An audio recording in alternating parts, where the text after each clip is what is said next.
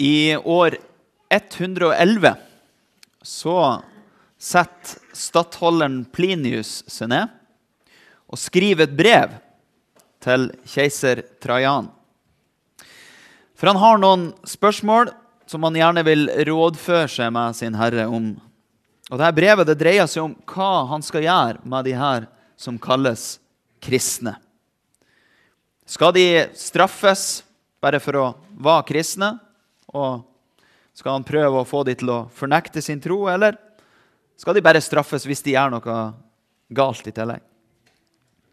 Dette brevet det er jo et interessant historisk dokument i seg sjøl, med innsikt i forholdene som de første kristne levde under i Romerriket. Men akkurat i dag så vil jeg trekke fram ei kort setning fra dette brevet. Fordi Plinius han har bl.a. torturert et par kvinnelige slaver som de kaller noe merkelig. Diakonisser, sier han. For å få ut av dem litt informasjon om hva det er de egentlig holder på med, denne sekten.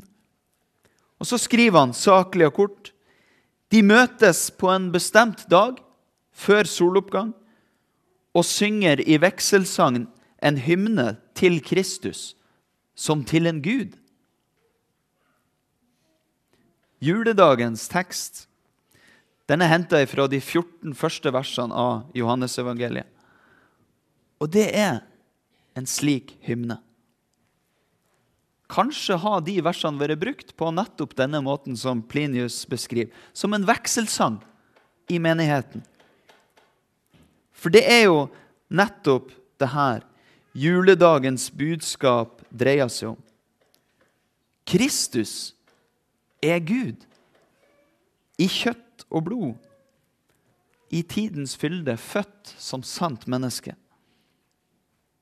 Det er ikke mindre enn et mysterium, og vi skal få fordype oss i det sammen nå. Vi reiser oss og synger høytidsverset.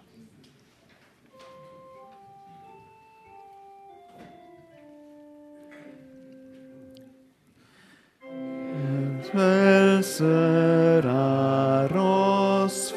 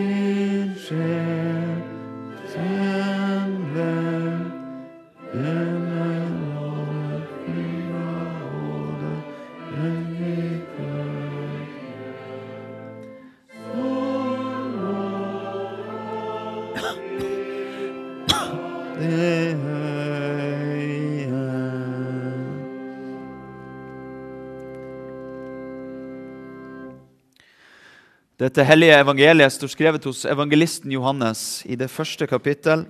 Vi leser vers 1 til og med 14 i Jesu navn. I begynnelsen var Ordet. Ordet var hos Gud, og Ordet var Gud.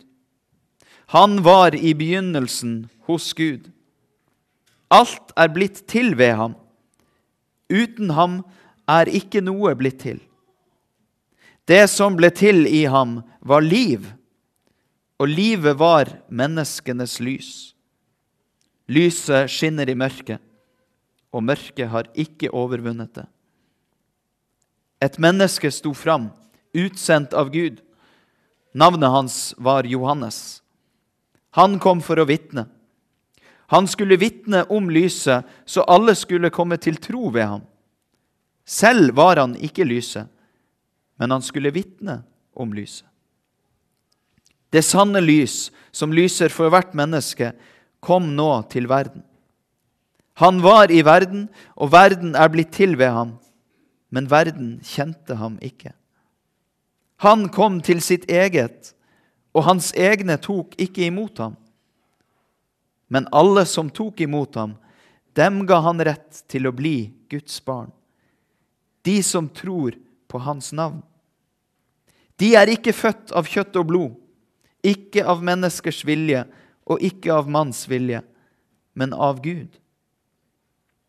Og ordet ble menneske og tok bolig iblant oss. Og vi så hans herlighet, en herlighet som den enbårne sønn har fra sin far, full av nåde og sannhet. Slik lyder Herrens ord. Hellige Far, hellige oss i sannheten. Ditt ord er sannhet. Amen.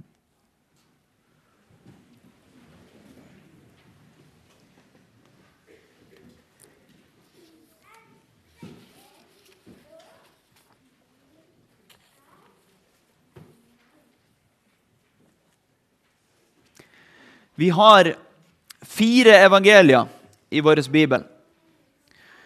Jeg kunne holdt et langt foredrag om hvorfor det er akkurat sånn, men det skal jeg ikke gjøre i dag. Det som er interessant, er jo det at de har sine særpreg. Det er forskjeller. Det er også noen spenninger de imellom.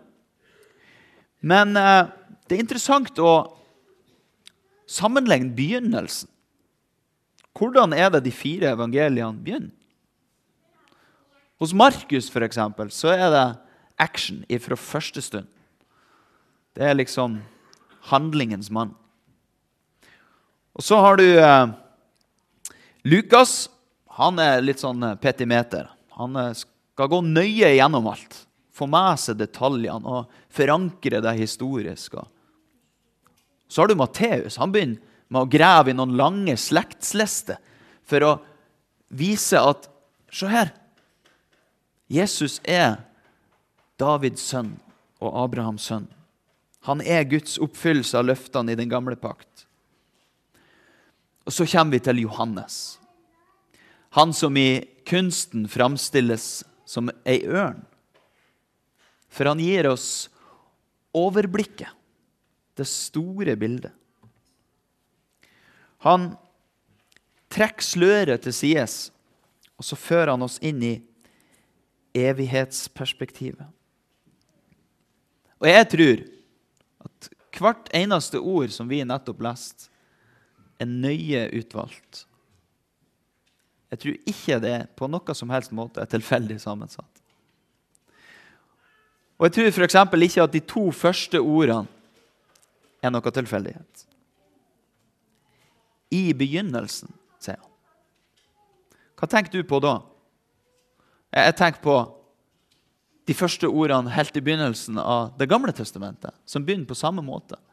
I begynnelsen. Så Jesu gjerning begynner altså ikke med hans fødsel. De begynner ikke med hans handlinger når han trer offentlig fram. Nei, han var i begynnelsen. Når jordens grunnvoll ble lagt. Og så dukka det opp i denne framstillinga av Jesu eksistens før skapelsens tilblivelse, så dukka det opp tre ganske alminnelige ord. Men vi får likevel en anelse om at i denne sammenhengen så er de kanskje ikke så alminnelige allikevel. Det er ordet, det er liv, og det er lys. De dukker liksom opp igjen og igjen. Og så viste det seg at de har en dyp sammenheng. For i begynnelsen, hva var da? Jo, da var ordet. Ikke et hvilket som helst ord, sånn som det finnes altfor mange av i vår tid, men det ordet som har makt til å skape. Hvordan er det Gud skaper når du leser i skapelsesberetninga? Jo, han taler sitt ord. Og sånn blir det. Og nå får vi vite at dette ordet, det er en person. Han var hos Gud ifra begynnelsen av. Hos Gud og med Gud. Men så kommer det til et punkt hvor dette ordet trer inn i vår verden på en helt konkret måte. Å bli menneske. Ordet tar bolig hos oss. Det er sånn vi leste på norsk. Det kunne ha vært oversatt på en litt annen måte. Det kunne ha vært oversatt sånn at ordet slo opp sitt telt iblant oss. Telt er jo en bolig, det også. ikke sant? Og så Da får vi liksom en litt annen assosiasjon. Fordi teltet Hva har det med Skriften å gjøre? Jo, hvis du går litt sånn langt tilbake i historien Før israelsfolket fikk bygd seg et ordentlig tempel, så hadde de et telt. Et tabernakel. Der var helligdommen. Der bodde Gud. Så kunne de da ta det her teltet med seg, og så var Gud med dem. Her er det ikke snakk om en helligdom i form av et byggverk, men et menneske i kjøtt og blod. Her er Gud med oss. Og i dette mennesket finnes livet og lyset. Som det så mystisk heter dette livet var menneskenes lys. Du skjønner da at liv er ikke bare liv. Det kan være to forskjellige ting. Vi har et ord som heter bios, og det er det vi har vårt ord biologi ifra. Og det er en mer sånn teknisk forståelse av liv. Det har med kroppens liv å gjøre. Det at du har hjerteslag, at du har pust.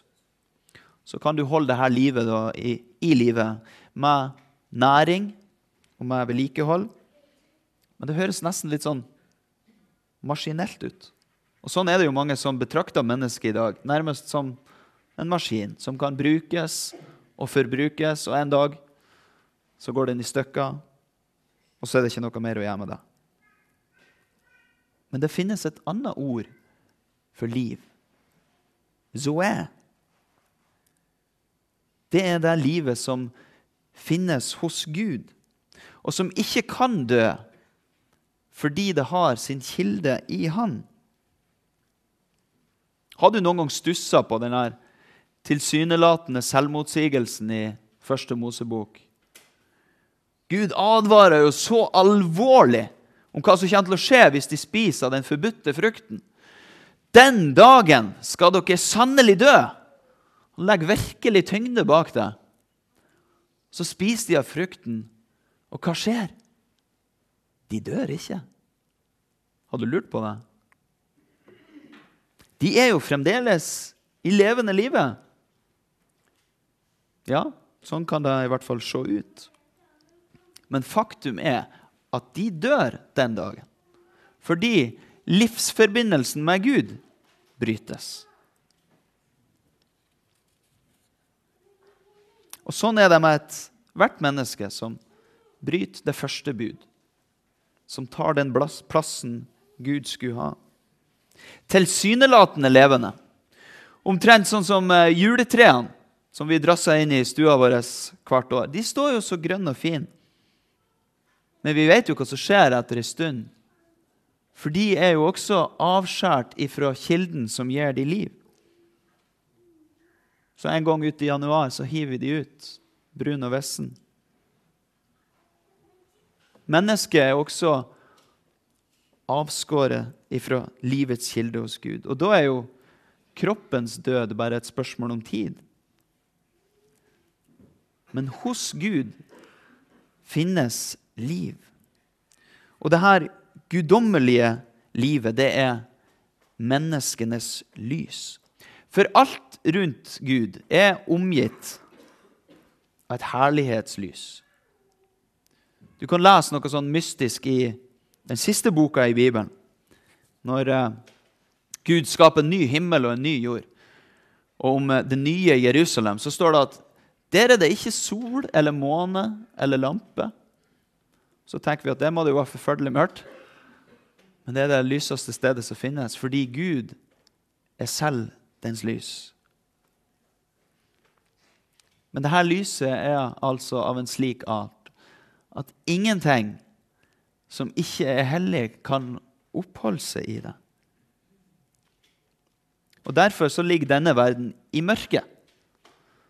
For det er bare i mørket opprøret mot Gud kan leve. Og så kom altså dette lyset inn til verden, og mørket har ikke overvunnet det. Det gjorde saktens sine forsøk. Jesus ble jo forsøkt stilna. Men når sjøl ikke døden kan slukke hans liv, da er det ikke mye å stille opp med. Lyset overvinner mørket. Livet overvinner døden. Ordet tok bolig, og evangeliet bredte seg utover i verden. Og så fikk du jo de her merkelige etterfølgerne som vi hørte om i begynnelsen. Som insisterer på å synge lovsanger til denne Kristus som til en gud. Hva i all verden er det som gjør at de utholder tortur og fengsling og forfølgelse? Altså de som ser på de her kristne i Romerriket, f.eks. De ser jo noen som ikke tjener noe som helst i denne verden på å følge han. Tvert imot. Det er jo bare risiko.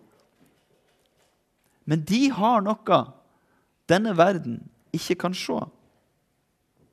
Et lys som ikke kan slukkes. Et liv som ikke kan dø. Og det var mer verdifullt for dem enn noe annet verden hadde å by på. Så sjøl i møte med all motgang som kan tenkes, så holdt de fast på Han som var kommet. Og deres vitnesbyrd lever den dag i dag. Men så kan jo vi, da, som lever nesten 2000 år etter de igjen, spørre oss Hvis ordet er kommet, hvorfor er det da så mye uvitenhet? Så mye gudsfornektelse og menneskedyrkelse iblant oss. Hvis lyset er kommet, hvorfor er det så mye mørke hos oss? Ondskap og fornedrelse som ser ut til å ikke ha noe ende. Og hvis livet er kommet, hvorfor er det da så mye død i verden? Sykdom, lidelse, krig og elendighet. Det er litt overveldende noen ganger. Sånne spørsmål kan vi anfektes av. Og jeg tror svaret ligger her. Verden kjenner ham ikke. Og hans egne tok ikke imot ham. Sjøl når han kom som en av oss, som en bror i kjøtt og blod, så tok ikke verden imot ham. Høres det litt naivt ut? At all verdens ulykke har sin grunn i at verden ikke har tatt imot Jesus?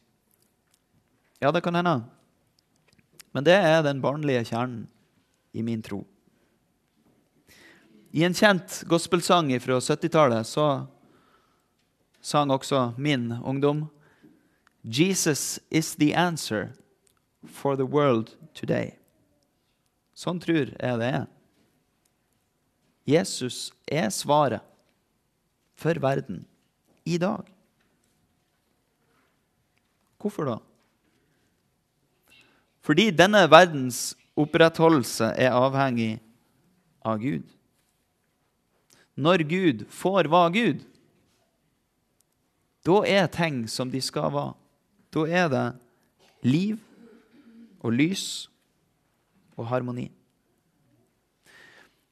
Men det avhenger av det første bud. For det første bud er det som alt står og faller med. Hvis det ryker, så smuldrer alt annet opp. Da er det vi sjøl som er Gud. Og vi ser jo hvordan det går med oss bak rattet. Og så må vi ikke glemme at denne verden har en annen hersker også. I Skriften så kalles han bl.a. 'denne verdens fyrste'. Og det er ingen tittel å kimse av. Hans mål det er å stjele og drepe og ødelegge. Og det budet ser det ut til at vi klarer ganske greit å følge. Når det første bud er brutt, da trengs gjenopprettelse. Å bli ført tilbake til det fellesskapet hvor Gud er Gud. Hvor vi får muligheten til å være de menneskene som vi var skapt til å være. Og de her versene fra Johannes evangeliet, de inneholder nøkkelen. Jeg hadde lyst til å vise dere noe litt uh, gøy i dag. Du kan ta deg fram. Arvid. arbeid. Det er litt sånn høy nerdefaktor på det her. Beklager det. Men hele det som kalles da prologen til Johannes, det inkluderer fire vers til som vi ikke har som vår pregentekst i dag. De er bygd opp på denne måten, som en konsentrisk konstruksjon. Det betyr at hvis du ser den øverste linja, som heter A, så motsvares den mot den nederste linja. Og så ser du B, som tilsvarer den nest nederste. Ser du da at det bygger seg mot et sentrum? Og det er det som er utheva i midten der. Hele denne teksten bygger opp til det høydepunktet. Alle dem som tok imot ham, ga han retten til å bli Guds barn. Det er sentrum i det som fortelles oss i dag. Det er nøkkelen til å bli gjenforent med Gud. Her begynner verdens gjenopprettelse. Med det og med meg. Alle som har tatt imot han, og som får kalles Guds barn. Vi får del i lyset og livet. Vi tenker kanskje ikke alltid sånn på det. For jeg er ganske lik naboen som bor på sida av meg. Men vi har et lys som mørket ikke kan overvinne. Bare ikke sett det under et kar. La det få skinne for menneskene rundt det. Jesus er lyset for verden i dag. Vi har et liv som døden ikke kan overvinne. Sjøl om vi, som alle andre, er skrøpelige og en dag skal møte døden, så er den ikke endelig. For vi har fått del i et liv som ikke kan forgå. Jesus er livet for verden i dag. Ordet har tatt bolig iblant oss. Han kom i kjøtt og blod, og han ble vårt, vårt sonoffer. Sletta vår synd på korset, kjøpte oss fri og ga oss retten til å bli Guds barn. Og sjøl om han nå ikke er her i kroppen fordi vi er hans kropp Tenk litt på det, hva det betyr. Så er han fremdeles til stede på mer konkrete måter enn vi ofte tenker på. For vi møter Jesus i vårt neste. Og det kan fort bli en sånn forslitt frase. ikke sant? Vi snakker om nestekjærlighet, for det, det er jo greit å snakke om. Det er ikke mange som kan ta oss på det, i hvert fall. Men det må være noe mer enn det. Det må være noe mer enn noe vi snakker om. Fordi Jesus sier sjøl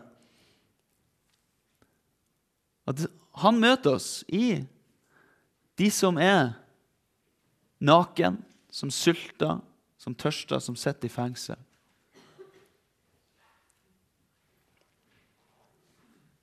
Så vi møter han i vårt neste. Og vi møter han i ordet.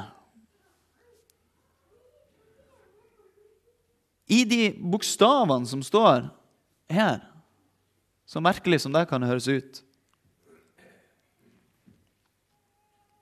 Og Jeg gleder meg til én ting spesielt i året som kommer. Og Det er når vi sammen her skal lese denne årsbibelen. Hvor vi kan få lov til å vandre sammen gjennom denne boka. For det er ikke så lett alltid. Det er ikke det jeg påstår. Men da kan vi få lov til å gå sammen. Og det kan kanskje gjøre det litt lettere. Så kan vi snakke om eh, det som vi syns er vanskelig, og det som vi snubler rundt i.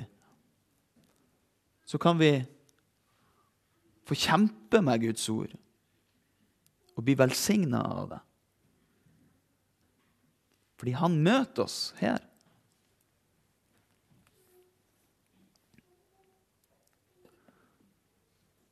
Og så kommer han til oss helt konkret i brødet og vinen. Vi skal feire nattverd i dag. Og det er noen ganger litt sånn anstøtelig da, at vi står der og deler ut et lite brød, og så påstår vi at Jesus møter oss i det. Ja, Det er ganske anstøtelig at han skulle møte oss i et lite barn også, for å være helt ærlig. Så hvis han kan det, ja, så kan han vel møte oss i brød og vin også. For det handler ikke om at du og jeg skal forstå det. At vi liksom skal klare å pakke hodet vårt rundt det og si ja, sånn er det. Men det handler om at vi skal tro det og ta imot det. Fordi når Han kommer til oss, da er det det det dreier seg om. At vi tror, og at vi tar imot.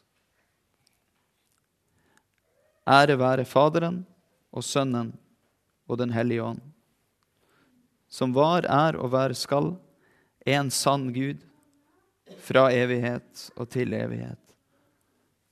Amen.